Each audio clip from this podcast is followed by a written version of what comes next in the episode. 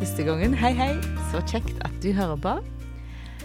Um, jeg sitter altså her nå i studioet mitt alene i dag òg. Jeg eh, lover at det kommer til å komme mange spennende gjester fram igjennom. Eh, Jeg har ting på gang, så det er bare å henge med og glede seg. Men akkurat i dag òg sitter jeg her alene. Og jeg har veldig mye, egentlig, som jeg har lyst til å dele med deg.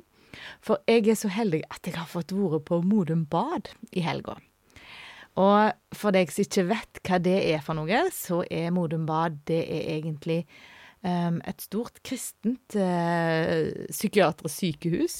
Um, senter med veldig sånn spesialiserte områder.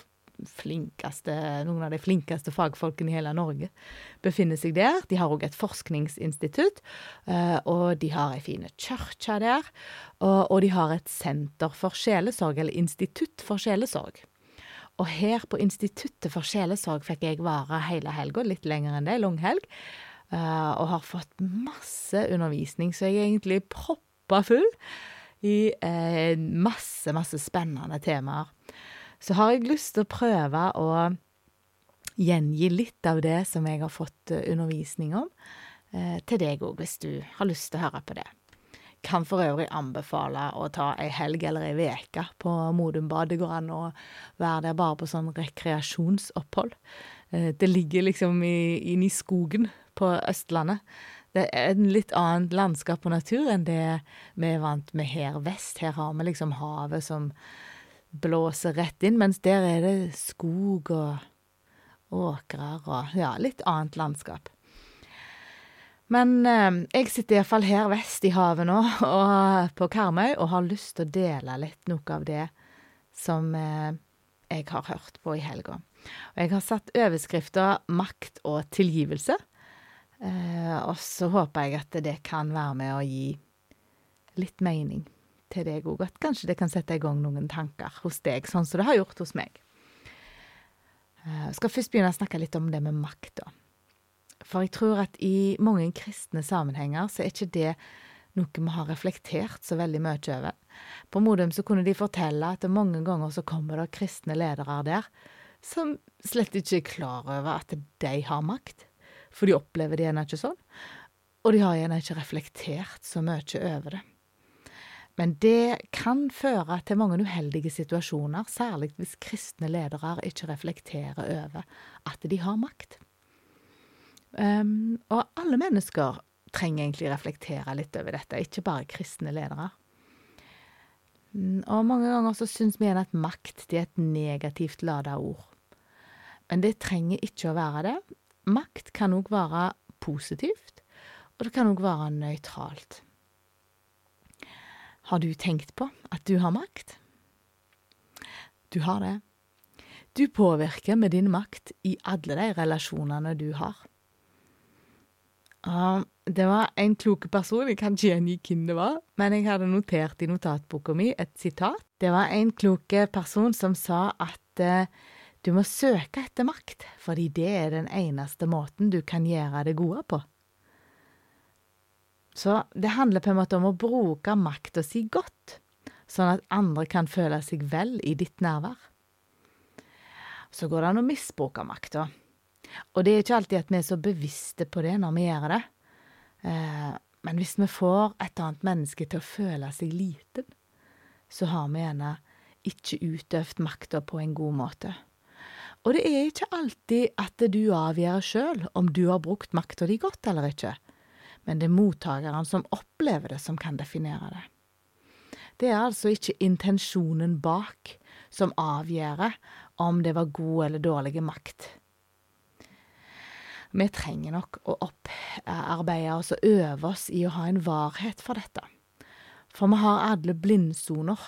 At vi, vi trenger Vi ser på en måte ikke nødvendigvis sjøl hva tid vi utøver dårlig makt. Og her trenger vi å hjelpe hverandre å avdekke disse. Eh, og så er det viktig å kunne skille mellom faktiske forhold og opplevde forhold. Um, for noen ganger så opplevde en gjerne at en ble tråkka på av den andre, men det var kanskje de faktiske forholdene eh, så var kanskje maktfordelingen annerledes. For eksempel hvis en, en eh, i rollen som leder har gitt en beskjed, og så opplever en at en blir snakka til på en krenkende måte, og lederen opplever seg krenka, så var det jo likevel gjerne lederen som hadde mest faktisk makt. Eh, eller en lærer i klasserommet, for eksempel. Læreren som er den voksne, har jo mest makt, sjøl om gjerne læreren kan oppleve seg maktesløs mange ganger i et klasserom. Eh, og med makt så følger det ansvar. Og maktfrie soner, det finnes ikke. Det tror jeg det er en som heter Michel Foucault som har sagt, og at makten den er overalt fordi den kommer fra alle steder. Og makten er ikke hos den ene eller den andre, men makten oppstår imellom mennesker. Eh, det er ikke sånn at en lærer går rundt og på en måte har den makta over klassen sin, hvis han ikke er i relasjon til de i klasserommet. sant? Det er jo på en måte det imellom oss at makten befinner seg. Og et ekteskap er jo en, eh, et eksempel på en arena der makt får utspille seg. Og foreleseren på uh, Modum Bad, han sa faktisk at uh, ekteskapet er en kontinuerlig maktkamp. Og jeg kjente meg godt igjen i det. Men så presiserte han litt videre da, at det er ikke nødvendigvis på en vond måte.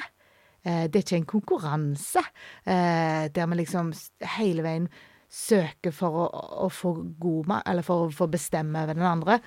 Altså, noen ganger er det jo det, men eh, men òg det at det er en maktkamp, det kan òg være at vi kan bruke vår personlige makt til å gjøre godt mot den andre, og for å kunne ha det godt i sammen, både som enkeltpersoner og som par så går det an å bruke makt på en sånn måte at vi kan leve sammen sunt og godt med denne maktkampen. Det er egentlig fint at den maktkampen er der. Eh, det trenger ikke være negativt. Men det er nok sant at det er sånn.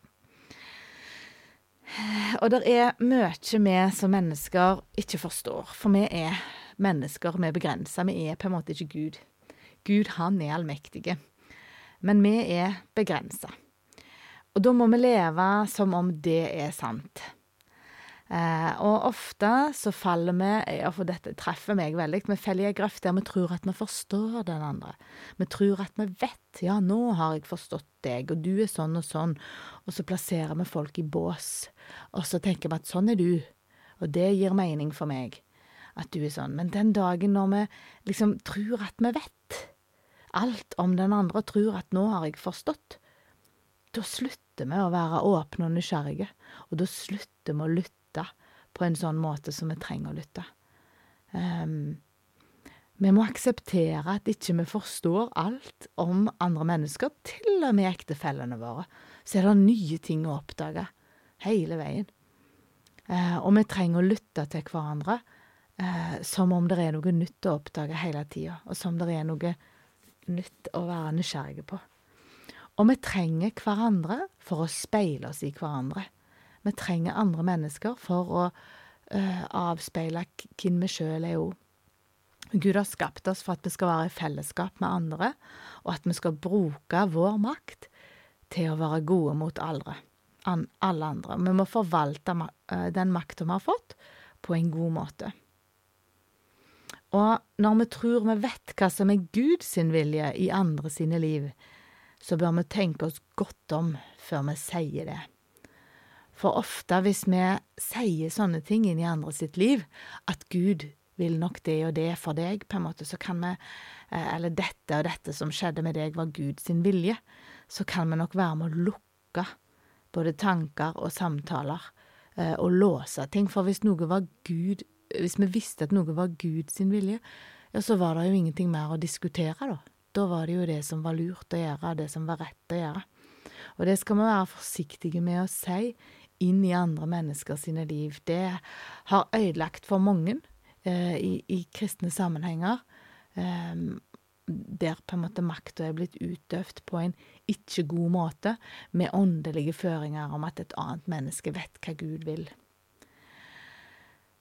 Um, ja.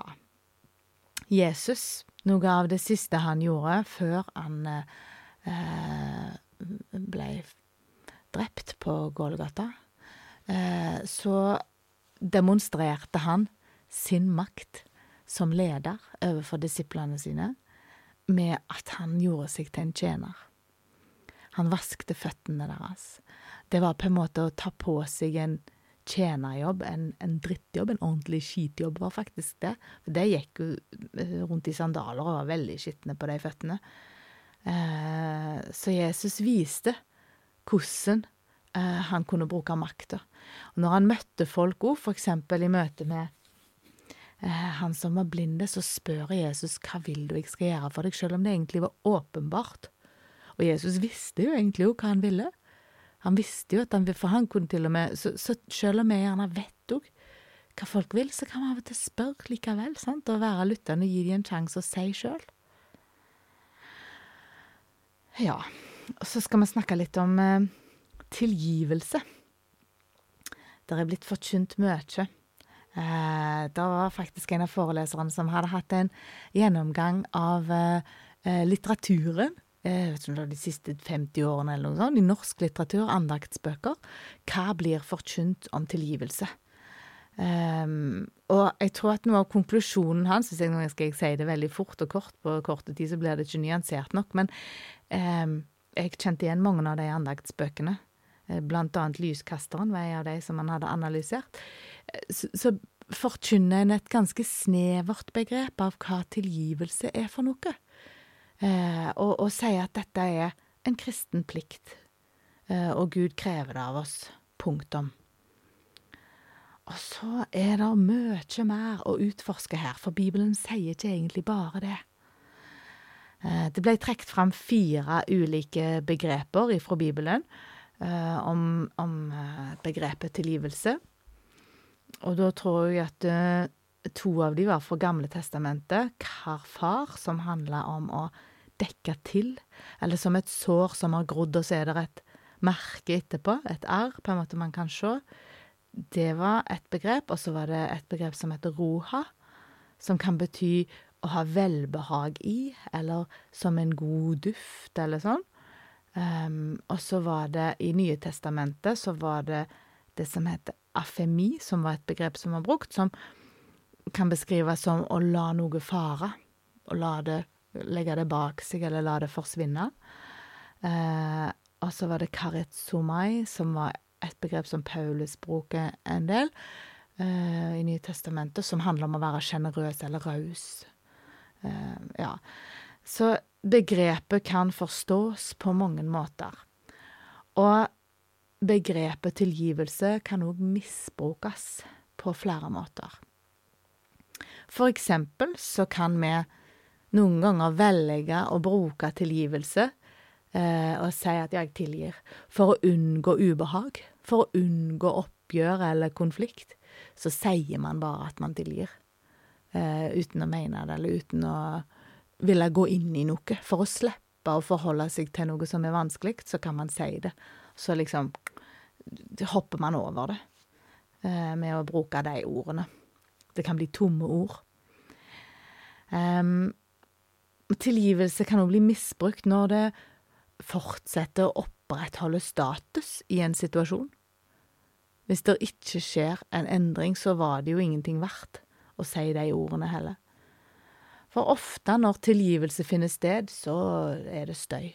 Da er det høylytt, da er det eh, vanskelige følelser involvert. Um, og når en krenkelse har funnet sted, når en urett er begått, så trengs det egentlig et oppgjør. Um, og Gud, han satte egentlig vilkårene for å kunne tilgi.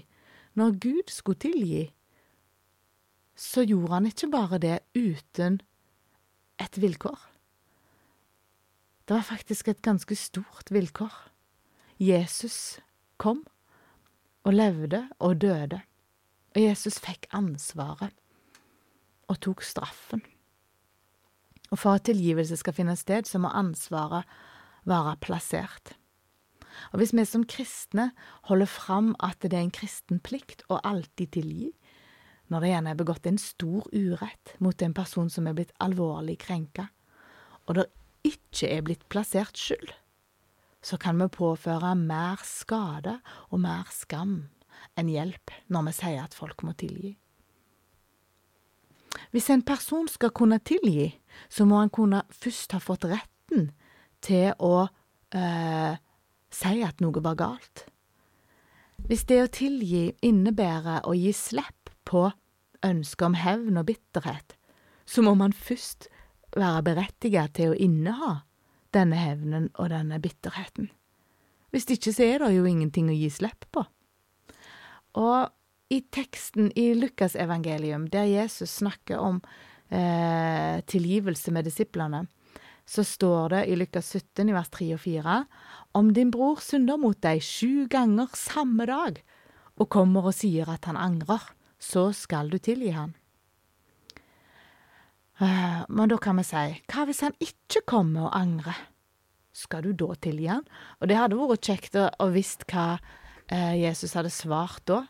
Eh, og vi er vant med å tenke at ja, vi må alltid tilgi, uansett. Men må vi det, hvis det er gjort en så stor urett mot et menneske, hvis det blir dypt krenka, eh, og gjerne den personen som har begått den uretten, si det var noe alvorlig som eh, et seksuelt overgrep, eller um, Og personen som har gjort det, kanskje er død? Eh, er det da mulig å få et oppgjør rundt dette? Dette er ikke lette ting, sant, eh, og det kan gi mer mening å snakke om heller om forsoning, eh, som en prosess, som en lang prosess. Men hvis vi krever at mennesker skal tilgi uten at det er en part som erkjenner sin skyld, så krever vi egentlig at de skal tilgi mer enn det Gud gjør. For Gud, han krever et oppgjør. Og Gud springer ikke etter folk som snur han ryggen og som sier 'Gud, jeg vil ikke ha med deg å gjøre'.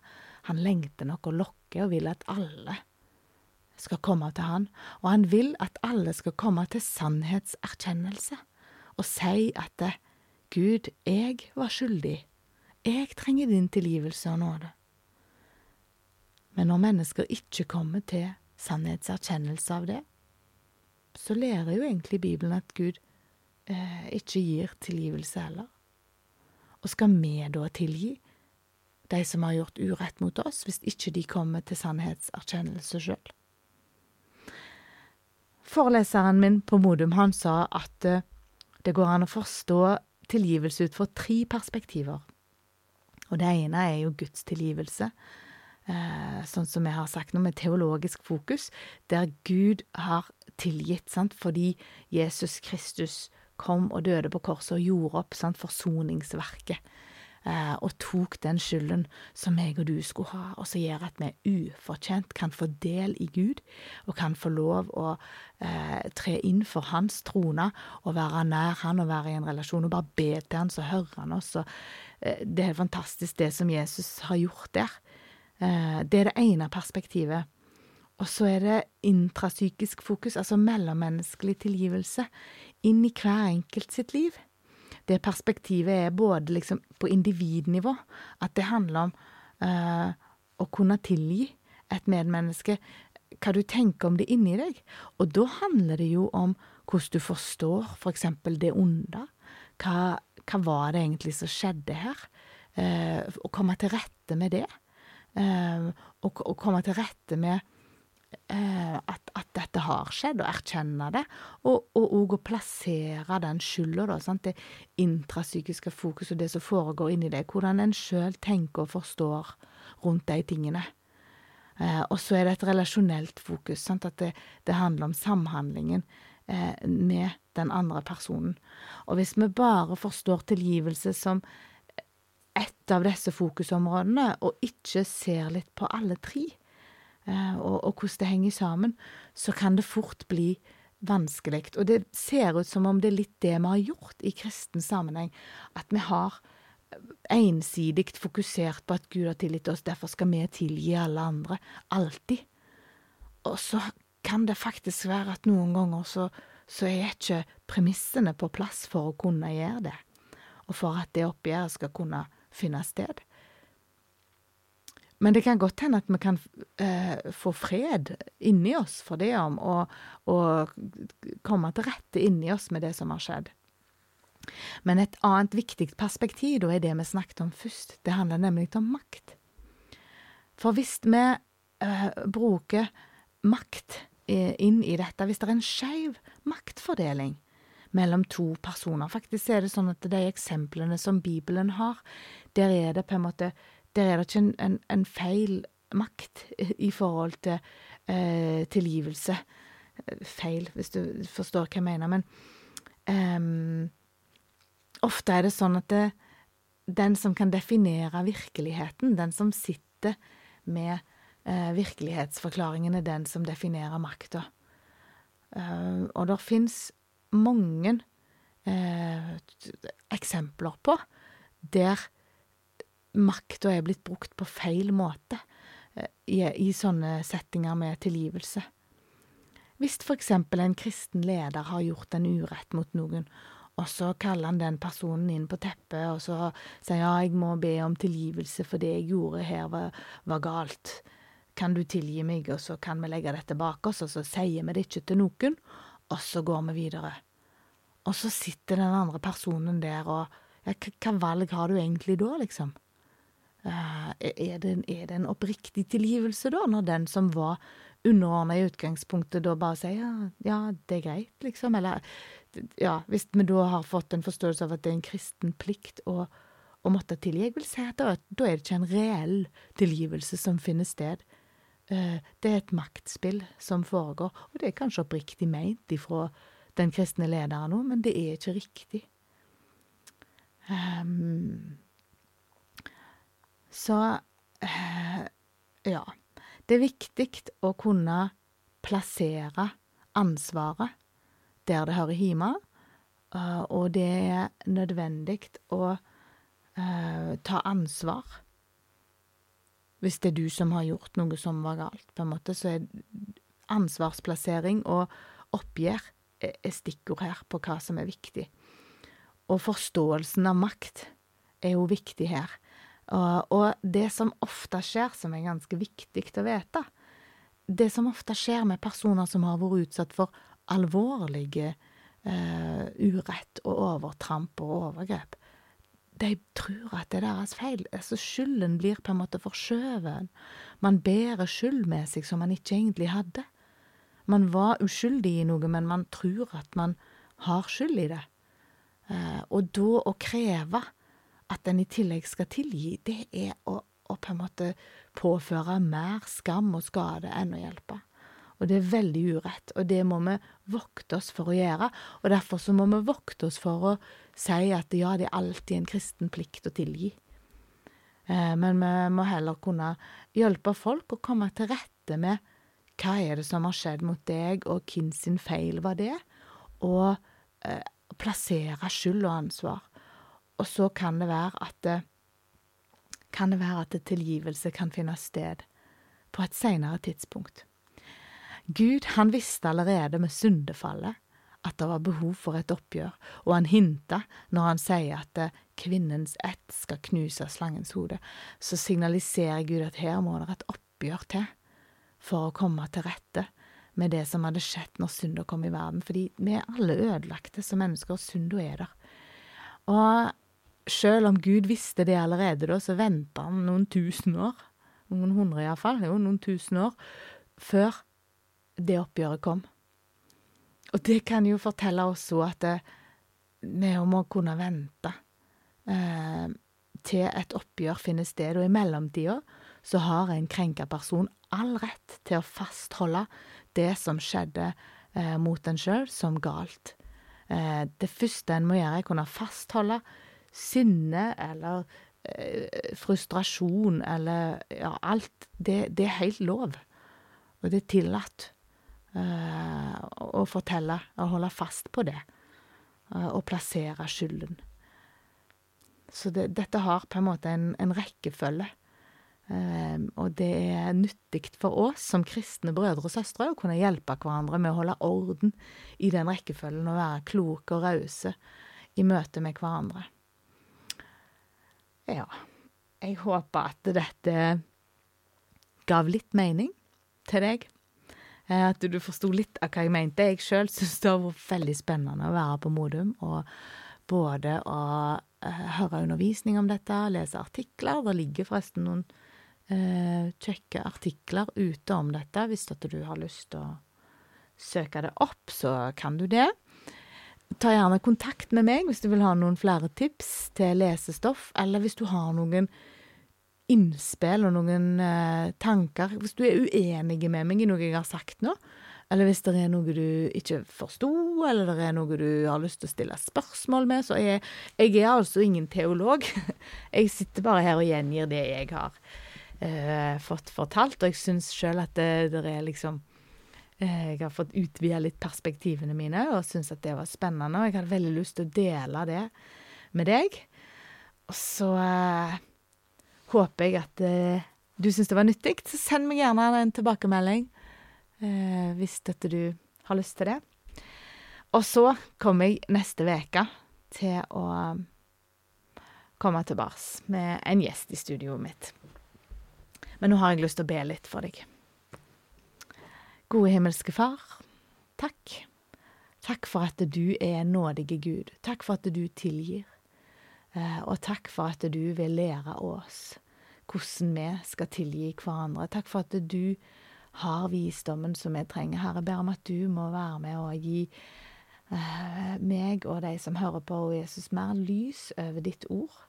Eh, og at du må gi oss mer forståelse av hvordan dette skal virke i våre liv og mellom oss og i lag med hverandre. Må du gi oss mer av din nåde og raushet, sånn at vi kan gi videre til de rundt oss.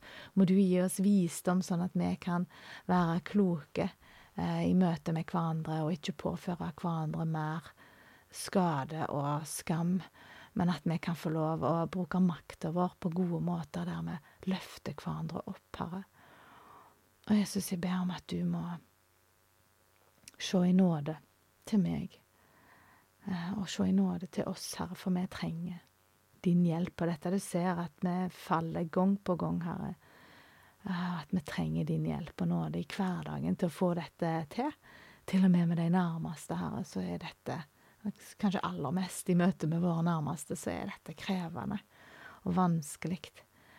Eh, og Jesus, jeg ber om at du kommer med din eh, forløsning i livene våre, der vi òg kjenner at vi kommer til kort, at vi kan bare få lov å erkjenne det, at Gud, jeg får ikke dette til. Eh, Gud, jeg klarer ikke å forstå dette, eller jeg klarer ikke å Så kan du møte oss. Nå må du komme med din allmakt, der vi kommer med vår begrensethet, Herre.